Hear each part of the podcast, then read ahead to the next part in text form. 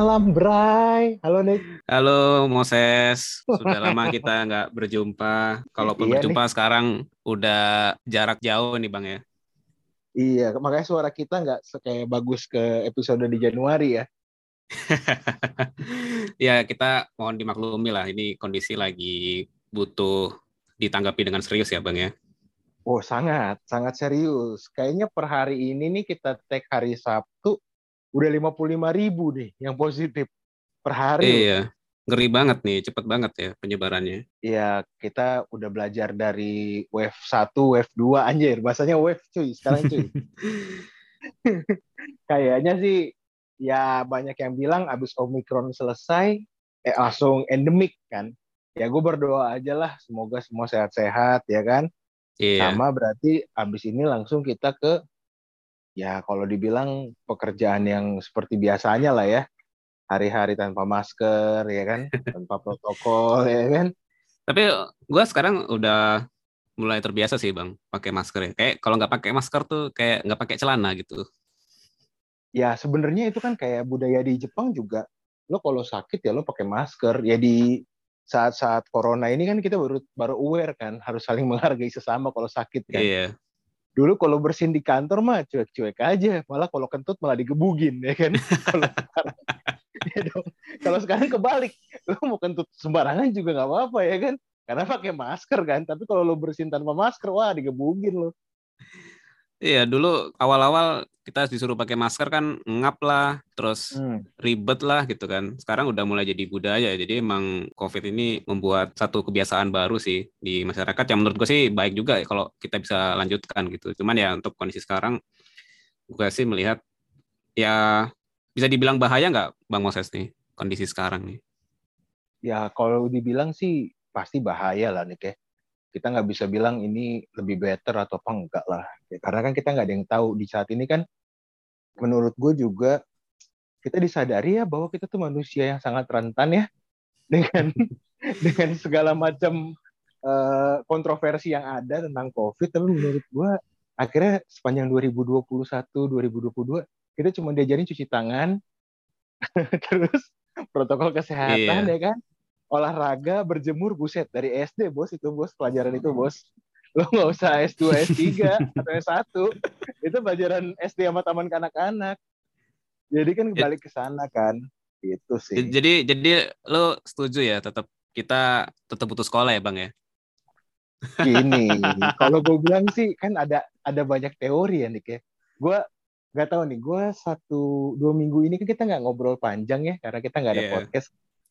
Eh gue paling yang gue lihat sekarang nih gue lebih lihat perilaku manusia nih akhir-akhir ini ya jadi kan kita kan udah sepakat nih podcast kotak masuk kan untuk mengembangkan wawasan kalau Iya, hostnya tipikal kayak gue gue nggak menambah wawasan kan tolol jadinya jadi Kita jadi punya Gua- tanggung jawab moral nih ya. Iya, jadi ada kayak ya seenggak-enggaknya gue jangan tolol-tolol banget lah ya. Cuman satu sih yang gue highlight tentang wave 3 COVID ini karena kita ada tuh sama- satu peri- perilaku ya di financial behavior yang gue coba baca over over confidence nih bahasanya nih. Hmm. Over confidence itu nggak cuma di finansial, di kayak kehidupan kita sehari-hari sebelum COVID kan, ah gue nggak usah olahraga lah, gue nggak usah pakai masker kan over confidence kan. Ya. tiba kena covid dan jebret mampus gak lo ya nggak? harus balik lagi kan mengaca ke diri lo sendiri kan untuk orang lain untuk keluarga lo bla bla bla karena kita terlalu overconfidence Iya, ini juga menyambung ini juga Bang. Gue kan sempat baca Hmm. buku ya, Psychology of Money gitu dari Morgan Housel. Ter coba Oh, lu iya, baca asik. aja gitu. asik, Jadi asik, di asik. di situ dibilang Bang, manusia tuh Hmm. sekarang kecenderungannya tuh seolah-olah tuh dia mengetahui 60 sampai 80% apa yang terjadi di dunia ini gitu. Lu ngerasa nggak kayak seolah-olah kayak ah ini kayaknya ini nih, ah kayaknya ini nih gitu kan. Padahal sebenarnya manusia tuh kan ada lebih dari 5 miliar ya, udah sampai 8 sekarang. Sampai 8 miliar ya. Nah, jadi kayak iya. itu yang membuat tadi nyambung sama yang lu bilang ada overconfidence sehingga seolah-olah kita merasa tahu mem- bisa memprediksi apa yang terjadi dan yang bahaya adalah kita jadinya nggak mawas diri gitu kan. Ternyata di balik itu semua oh ini ada permainan nih ternyata nih kan. Kan kalau udah terlambat udah sayang gitu kan. Kayak Nah, contoh yang yang oh, itu yang investasi itu. Wah, ini makanya mau gue sambungin. Overconfidence kalau pendengar-pendengar kita terlalu ah lo terlalu jaksel sih terlalu pinter bahasa lo ya kan? Gue ganti deh sotoy ya kan? Sotoy awal tahun gitu ini kayak sotoy awal tahun. Ya bener yang tadi lo bilang masalah investasi banyak yang sotoy di awal-awal terkait robot NFT dan rame di weekend kemarin token ya kan? Tokennya salah satu artis yang tiba-tiba over the moon ya kan under the moon ya kan? Gue pas ngeliat kayak ini kan sesuatu hal yang menurut gue semuanya tuh masih gak pasti. Uncertainty-nya tinggi gitu loh. Yeah. yang lo tahu itu cuma yang kemarin sama hari ini ya kan? Yeah. nah kalau gue balik tadi ke masalah sotoy tadi ya ya memang udah sifat dasar manusia ya. Gua lu semua orang pasti ada sifat itu. Nah cuman uh, eh, gue tadi pagi dengerin podcastnya Detik Finance sama Profesor Renal eh, apa? Renal Kasali kalau nggak salah ini kayak yeah. dia bilang uh, itu kan ada ada satu fenomena sultan-sultan yang digerebek nih sekarang nih. Ya kan? Jadi kalau dibilang memang kalau istilah flexing ya atau ibaratnya lo memamerkan kekayaan lo bla bla bla bla bla bla itu sifatnya sebenarnya sih hak asasi manusia. Tapi ini balik lagi ke diri lo. Ketika lo tahu lo sotoy lo lihat deh resikonya. Profesor itu anjing nama juga profesor pinter ya. Maksud gua bahasanya tuh umum banget. Dia bilang kalau lo udah sotoy lo coba deh pelajarin resikonya ketika lo jatuh. Misalnya uh, eh, gue gagal nih di masalah investasi gitu ya ya. Yeah. sahamnya gue wah gue udah tahu nih fundamentalnya bagus bla bla bla bla bla bla bla bla. Tapi sotoy jatuh misalnya gitu ya. Jatuh panik emosi kan yang bermain kan. Yeah. nah si profesor itu bilang lo nggak apa-apa gagal tapi lo harus belajar resikonya nah jadi dia bilang e, bukan masalah literasi atau orang harus eh, S2 atau apa enggak dari kecil lo harus ngasih tahu ke anak lo ke diri lo sendiri semua yang lo pilih itu pasti ada risikonya mau itu keuangan uh, apa pun lah ya yang lo pilih harus tahu sadarin resikonya anjir Betul. Gue bilang itu ngeri sih. Ya udah itu jawaban menurut gua. Lo sotoy boleh, tapi lo harus tahu resiko. Udah itu doang sih.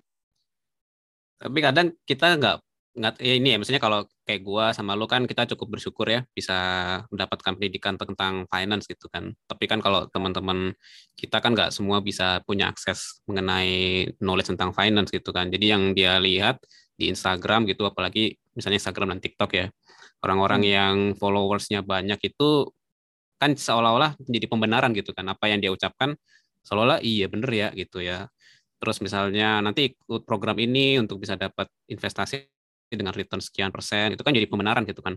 Sementara dia nggak punya pegangan nih gitu kalau nggak bisa nggak bisa konsultasi kayak dokter gitu kan.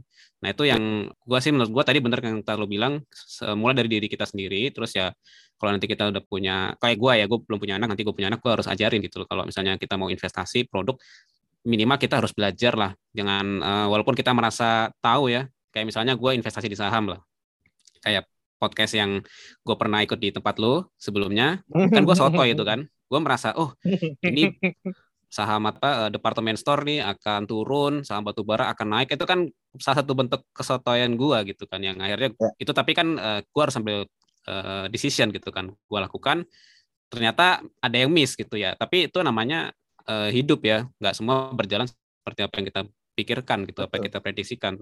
Tapi minimal kita udah punya plan dan kita jangan terlalu bodoh lah untuk put your egg in one, in one basket nah. gitu jadi tetap diversifikasi gitu cuman kuncinya menurut gue nih bukan kayak tadi kan kalau menurut gue ya kita punya keuntungan lah untuk yeah. mengakses dunia keuangan tapi menurutku balik lagi teori Darwin tentang adaptasi itu ketika makhluk hidup ya kan sama kan kayak misalnya jerapah nih dulu kan lehernya nggak setinggi itu kan tapi yeah. ketika pohon makin tinggi, makin tinggi kan dia beradaptasi kan. Ya sama lah kayak keuangan sekarang. Kita kan ngeliat, oh di sosmed nih banyak yang pamer, banyak yang apa ya kan. Tapi lo ketika udah, eh lo sadarin dulu nih, dia kayak gitu. Misalnya bener-bener dia dari eh, nggak uh, pakai privilege privilege ya nih ini.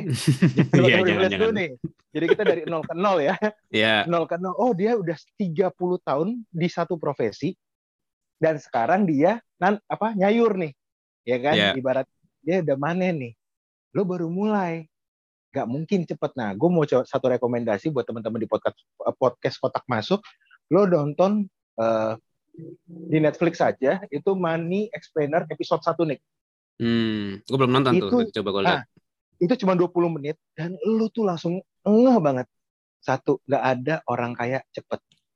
Dan ternyata sejarah itu membuktikan, Nick, dari abad ke-18 itu sudah ada fenomena manusia itu suka kaya cepet, nih.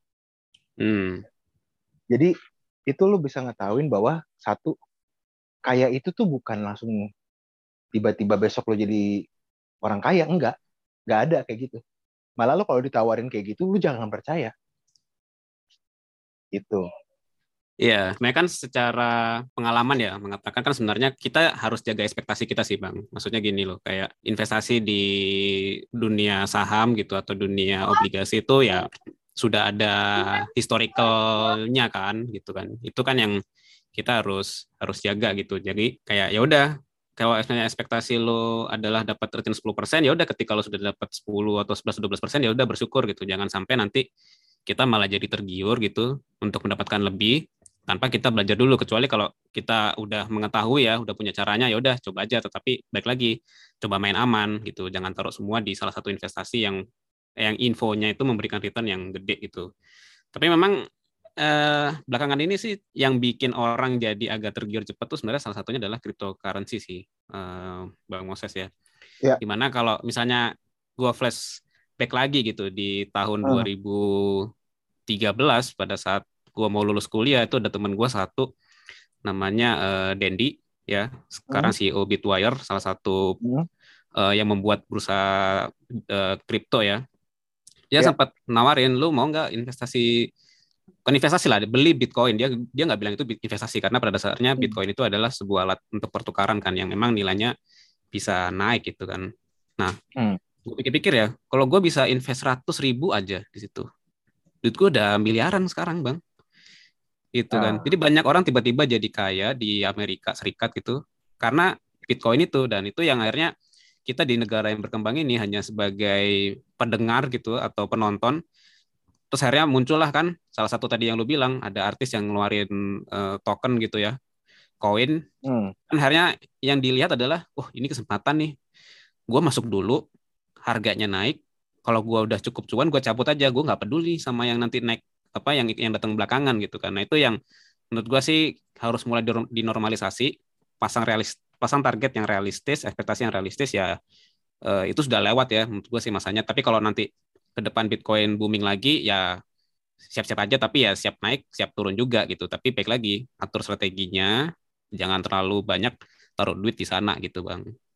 Ya ya itu itu sah sah aja sih Nick. jadi kalau menurut gua balik lagi uh, di satu elemen dari finance itu kan instrumen investasi itu lo harus kenal dulu. Nah kebanyakan orang nggak mau kenal orang ikut ikutan yeah ada tuh istilahnya gue baru belajar juga nih bukunya.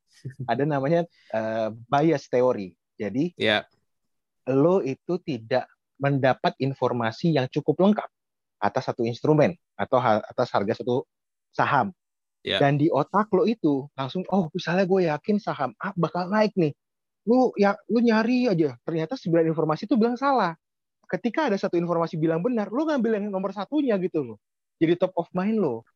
Nah ini yang kadang-kadang gue juga baru belajar, iya ya, gue tuh selalu sotoy kayak, gue yakin kok besok penjualan gue naik, ya kan? Yeah. Gue gak peduli tuh ngelihat ada orang susah segala macam, gak peduli gue ngeliat operation gue kedebak-kedebuk, gak peduli gue. Tapi ternyata anjir bener ya, harusnya gue benerin dulu operation gue, baru gue jualan. Nah itu kan beradaptasi atas kebiasaan tadi kan, bias information Betul. kan. Nah tadi lo bilang Bitcoin segala macam, gue masih sama ya kayak lo ya Nick ya NFT sama metaverse gue juga baru pelajarin beberapa ini tapi kan itu buat masa depan ya. Dan Betul. apa gue lebih mengarah ke sebenarnya masih fundamental apa masih tradisional financial dulu deh. Kenapa? Karena gue udah nyeting goals gue di mana yang harus long term dulu nih. Jadi yeah. ibaratnya gue nggak mau terlalu terburu-buru dulu. Gue nggak peduli lah orang bilang ah lo ntar telat ses bla bla bla ya gue belum ngerti ngapain gue terjun. Jadi itu yang hmm. menjadi baseline gue dulu nih. Yang Betul. kedua gue lebih ngarah kayak eh kalau gue mau jadi NFT NFT-an gue kan harus beli koin segala macam kan. Oh ya udah gue jadi creator dari picture-picturenya aja atau enggak video-video lucu-lucunya aja. Misalnya foto pas gue gondrong gue jadi NFT ya udah gue belajar dari situ dulu gitu loh nih tanpa gue yeah. beli koinnya dulu ya. Karena itu juga masih perdebatan banyak kayak metaverse metaverse itu ternyata nanti ada akan akan ada ribuan gak cuma punya Facebook gitu loh. Jadi akan wah rumit banget jadinya gue pikir-pikir udahlah masih terlalu chaos. Dan ini kan kayak bubble-nya.com ya kan? Bubble-nya startup ya kan itu masih banyak ya. teori-teori yang juga kan. Cuman kan kalau kita lihat dari bubble terdekat aja bubble startup dulu waktu pas Gojek awal-awal juga banyak tuh kan produk-produk yang hampir sama dengan Gojek kan Nick Betul. So saat ini sudah hampir 10 tahun atau 15 tahun cuma berapa bertahan? Paling dua. Ya enggak? Itu juga masih terdekat itu. Hmm. Cash flow-nya juga kan harus kayak, tadi kan masih asumsi ya kan, masih yeah. asumsi kan. Masih bias yang ini kan juga jadi bias nih ya kan. Makanya kalau gue yeah. lebih mengarah kayak dulu pas siapa tuh waktu pas kita di seminar ekonomi makro Pak Katibasnya selalu bilang kan, ekonom paling terbaik tidak ada yang bisa memastikan bagus atau tidak satu suatu teori gitu kan. Dia kan akan tergantung kan selalunya kan depends. Dia nggak bisa Betul. bilang apa nggak bisa bilang pasti oh besok akan segini. Nggak ada ekonom kayak gitu kan dia aja nggak ada yang nggak ada yang pasti dia bilang masa kita sotoy banget ya nggak? Kalau gue sih ya di tengah banyaknya opsi yang ada di market sekarang terkait investasi gue punya pegangan sih bang. Maksudnya uh, ya gue kan sebagai salah satu yang beruntung juga ya bisa lulus uh, ujian uh, chartered financial hmm. analyst di mana itu guru guru besarnya adalah Benjamin uh, Graham yang mana adalah guru dari si Warren Buffett kan. Dan simpel aja gitu loh apa pun uh, produk investasi itu lu bisa pelajari tetapi kalau misalnya lu mau uh, cukup aman kembali ke basic aja dari 100% hmm. uang yang memang lu alokasikan untuk investasi, lu bagi 40% itu masukkan ke obligasi ya yang aman, 60% ke ya. saham. Nah, 60% yang saham, kalau lu memang nggak pede dengan kemampuan lu untuk memilih saham yang yang pas, yang punya potensi cuan besar, ya lu taruh di eh, saham-saham uh, yang uh, aman aja gitu, uh, blue chip gitu misalnya ya atau yang paling bagus sebenarnya ya di US di Indonesia belum ada tuh. Gue masih menanti yang di, di Indonesia nih. Di US tuh lo bisa invest di indeks gitu. Indeks Nasdaq atau S&P 500 itu oh, sudah oh, merangkum nah, indeks itu naik atau turun gitu ya? Lo, iya. di... di mana hmm. indeks itu dibentuk dari perusahaan-perusahaan yang hari ini kita kenal. Ada Netflix, Facebook, Apple gitu. Ya, Jadi ya. itu bukan indeks yang diadakan, itu indeks yang ada yang dibuat berdasarkan performance actual dari saham-saham yang di Amerika Serikat gitu. Jadi karena nggak menurut menurut ini ya penelitian ya bang ya tidak ada satu hmm. bukan tidak ada satupun ya pasti ada cuman akan susah untuk lu tuh bisa mark apa secara return investasi lu tuh lebih tinggi daripada market kalau lu milih sendiri gitu jadi ya hmm. ya daripada lu pusing gue milih sama apa waktu lu terbuang juga setiap hari ya udah lu invest di indeks tapi itu baru ada di US nah kalau di Indonesia ya baik lagi mungkin ya coba investasi di 3 sampai 5 saham blue chip ataupun yang mid cap ya, yang kapitalnya kapitalisasinya nggak terlalu kecil juga, yang memang lu sudah pelajari gitu. Kalau memang nggak yakin ya investasi di reksadana gitu kan ada juga ya. Udah ya. itu aja dulu. Nah kalau misalnya mau masuk yang aneh-aneh, yang baru-baru NFT tadi lu bilang, ya udah lu ambil aja eh, lima eh, persen dari uang itu, ya itu anggap aja lu ini rugi nol pun ya gue loss lima persen kan gitu, gak akan loss gede. Ya udah syukur-syukur misalnya nanti naik kalaupun rugi ya udah lu sudah siap kehilangan lima persen dari uang lu itu gitu sih paling nah, gue kalau gue mungkin sebagai closing statement gue dulu ya kali ini kayak ya. yang tadi lo bilang memang semuanya valid dan um, gue mau tambahin satu sih tadi si Profesor hmm. Renal Kasali ngomong gini lo harus tahu ketika lo berinvestasi tentang satu kata yaitu bersyukur dan cukup dia bilang yeah. bersyukur dan cukup gitu ya maksudnya yaitu satu kata ya eh, dua kata yang saling uh, berhubungan. Kenapa dia bilang gitu? Lo harus tahu dulu gitu loh bahwa nasib lo itu tidak separah orang lain yang masih dari misalnya dia lagi baru merintis karir segala macam gitu loh. Lo harus bisa ngeliat ke bawah dulu gitu loh. Dan lo ketika ngeliat ke atas jangan terlalu tinggi gitu loh. Kalau memang lo nggak nyam, nyampe gitu misalnya, SS lo kayaknya bukan investor deh, tapi jadi educator Nah, lu jadi educator gitu loh. Iya. Yeah.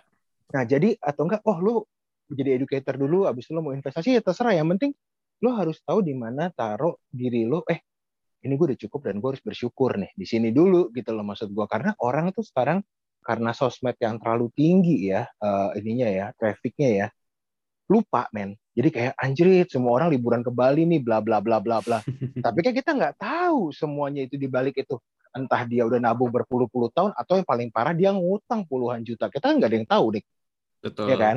Nah balik lagi tadi yang lo bilang ada satu teori juga sih gue juga lagi tadi lagi banyak baca buku gue aja ya Bagus dong bang. Ini yang justru yang ditunggu-tunggu ditunggu-tunggu oleh pendengar kotak masuk ini ya. Buku-buku bacaan yang di. Kita, kita akan ini nih, kita akan coba ngelihat ya teori pasar efektif. Jadi itu kan teori yang sangat tidak mungkin terjadi sebenarnya ketika lo tahu semua harga saham itu wajar, nilai wajar sebuah oh, saham iya, iya, gitu. Tahu, tahu. Ya. Itu kan teori yang nggak pernah ada, tapi dari 1970 belum pernah patah nih anjir gue bilang si Fama Influence ini wah gila nih teori ini menurut gue membuat kita gue bisa belajar di mana eh lo kalau mau tahu sebuah perusahaan nilainya wajar sekian lo harus bisa baca gini, -gini. oh gue bilang oh iya ya gue gue belum segitu jagonya ngelihat itu dan gue kayaknya nggak mau ikut ikutan dulu deh. Maksudnya kayak ya mungkin diskus boleh ngobrol temenan boleh tapi ketika decide uang gue harus pindah gitu ya ke orang lain ya. Apalagi gue baru nonton Wolf of, of Wolf of the Wall Street lagi kan yang Leonardo DiCaprio kan. Hmm. emang kampret lah saham gorengan. Iya tapi memang apa ya itu menurut gue lu udah harus belajar kayak dia kayaknya cepet men. Dia kayak cepet banget kan. Tapi langsung jatuhnya tuh gila-gilaan men. Kena money laundry men selesai hidup lu iya ya ini sih tadi yang lu bilang tuh kan kalau gue nggak salah ingat namanya efficient market hypothesis bukan? Iya betul betul. Iya kan. Jadi kita hmm. itu masih uh, belum efisien gitu masih semi efisien gitu. Karena apa ya? Nggak bisa dipungkiri bang uh, di balik bursa yang ada di Indonesia ini juga masih ada dalam tanda kutip kita bilang sih bandar ya atau uh, market maker gitu loh. Jadi itu tadi, ya. lu mau berhipotesa saham ini naik turun, lu pasti kalah aja kalau emang si iya. bandarnya atau si market makernya tuh punya pemikiran yang lain gitu kan. Jadi tapi itu kan jangka pendek tuh. Tapi tetap kalau secara jangka panjang sih harusnya kita bisa lebih lebih pas lah uh, nembaknya ya atau memprediksinya sih. Gitu. Tadi yang Leonardo DiCaprio tuh ya menarik juga tuh. Gue kayaknya harus nonton lagi. Kalau gue sih yang yang yang teringat betul tuh yang The Big Short itu loh bang. Yang Oh yang kata tentang apa, mortgage uh, mortgage. Ya, iya. itu kalau kalau untuk teman-teman podcast masuk uh, podcast kotak masuk agak ribet ya. Menurut gue, gue cuma satu rekomendasi gue Netflix Money Explainer episode 1. Episode 2-nya lu bakal matiin semua kredit card lu pasti. Yakin gue. itu itu itu cuma empat episode nih, tapi keren banget, parah. Hmm. Jadi kalau lo nonton Big Short, Wolf of Wall Street, terus lo nonton yang kayak film-film ekonom tuh kan agak sulit ya. Lo lo dapat visualisasi dari teori ekonominya kan. Betul. tapi kalau money explainer nih gampang banget dik aja. Analoginya tuh sorry ya mungkin lo lulusan SMA atau SMP pasti dapat pasti dapat karena awam bahasanya awam banget. Iya ya memang diperuntukkan untuk menjelaskan ke orang awam kan gitu. Menarik yes, menarik. Boleh yes. tuh ditonton gue juga mau lihat nanti. Oke Nick kita sampai ketemu di minggu Siap. depan ya Thank you teman-teman yang udah dengerin. Thank you teman-teman. Tetap bersyukur. Stay safe ya. Tetap Stay ikuti protokol kesehatan. Thank you Bang, sampai ketemu.